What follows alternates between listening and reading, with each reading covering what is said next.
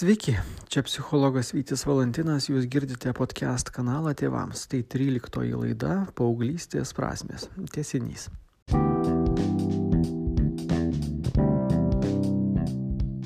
Paauglystė yra laikotarpis, kai vyksta esminiai vidiniai pokyčiai.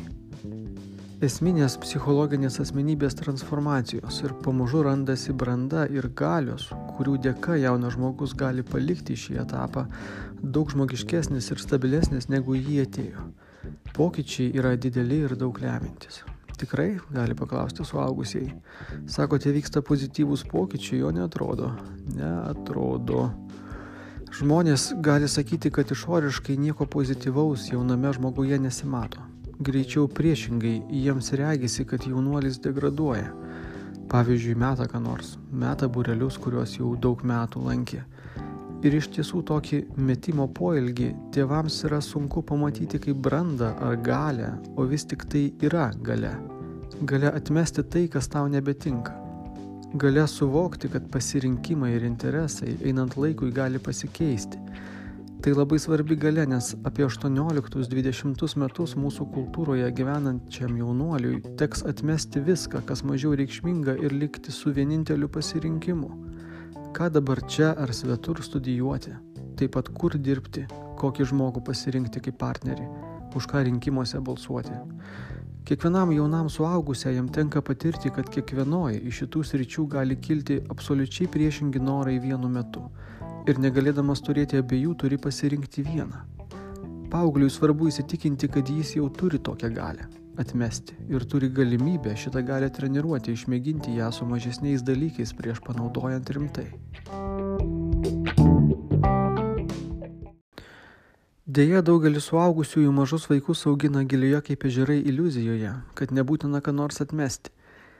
Kad gyvenime galima veikti viską, turėti viską, išmokti viską, galbūt niekur nuoširdžiai nedalyvauti, bet iki savaitės pabaigos pabūti visur. Tenka matyti daug įvairių scenarijų, kaip paaugliai reaguoja į tėvų bandymą toliau vaikyti juos senais režimais, įdant jie liktų meistrais, tęstų burelius, į kuriuos jau sukištos rimtos lėšos, purtytų priblėstančių laužų vaikystėje įduotas jėtis. Vieni įdeda nepaprastai daug agresijos, kad duotų atkirti ir išsikovotų autonomiją.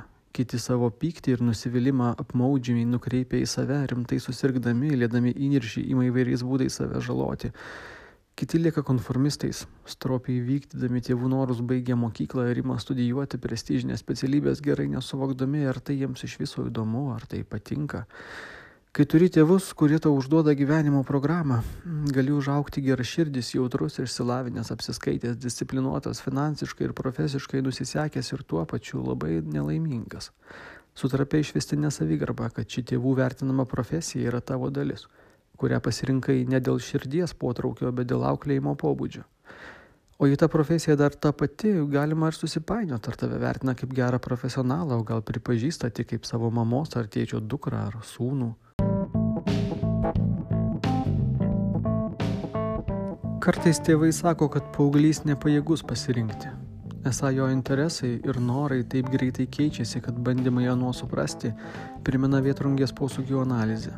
Vieną kartą jis nori būti žurnalistas, kitą muzikantas, trečią klinikinis viešpatė apsaugok psichologas.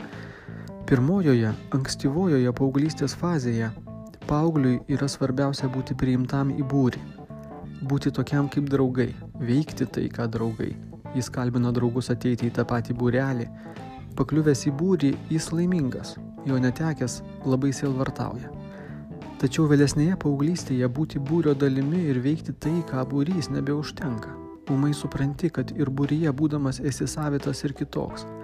Dalis jaunuolių tada išgyvena savotišką tapatybės krizę, nesuprasdami, kas jie, kokie jie. Jie tiesioginė prasme turi save susikurti, Tėvai, augindami vaikus, dažnai orientuojasi į tai, kas jiems patiems patinka. Bet tai, kas patinka man, nebūtinai patinka ir tinka kitam. Mes, suaugusieji ant vaikų pečių, galime užkrauti savo neįgyvendintas svajones. Aš negalėjau groti pieninu, tai tu grok. Grok ir džiaugis, juk tai puiku. O jam visai ne puiku, nes tai ne jo. Kartais ilvartaujame tiek pinigų sukišome ir viskas veltui. Įdomu, o kuo pranašesnė gerai apmokėta ir brangi kančia, jeigu ji vis dėlto kančia? Tėvai bijo, kad keisdamas užsiemimus paauglys taip niekuo rimtai ir nesusidomės. ir pamiršta savo paauglystę, kurią prisiminus kai kuriems kyla apmaudas. Ir kodėl? Kodėl neieškojau, kodėl laiku nepasakiau ne. Tėvai labai nedrasiai moko augančius vaikus pasakyti ne, nes jie gali pasakyti tai mums patiems. Mes toleruojam jų pasakymą ne kitiems, kartais netgi paskatinam, bet nepakenčiam, kai tai sakoma mums, nes tai primena, kad vaikai nėra mūsų nuosavybė kad jie išskris už debesies ribų, nes tampa laisvi ir neišvengiamai mus palieka. Na, žinoma, tam, kad kart kartėm grįžtų ir sužinoja, kur tiesa, mums papasakotų.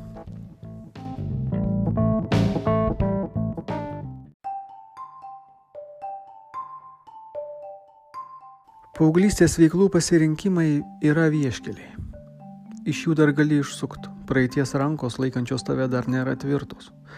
O vėliau, o vėliau prasideda greitkeliai, autostrados aukštom tvorom ir barjerais, paprastai neišsuksi, ne visur net sustosi.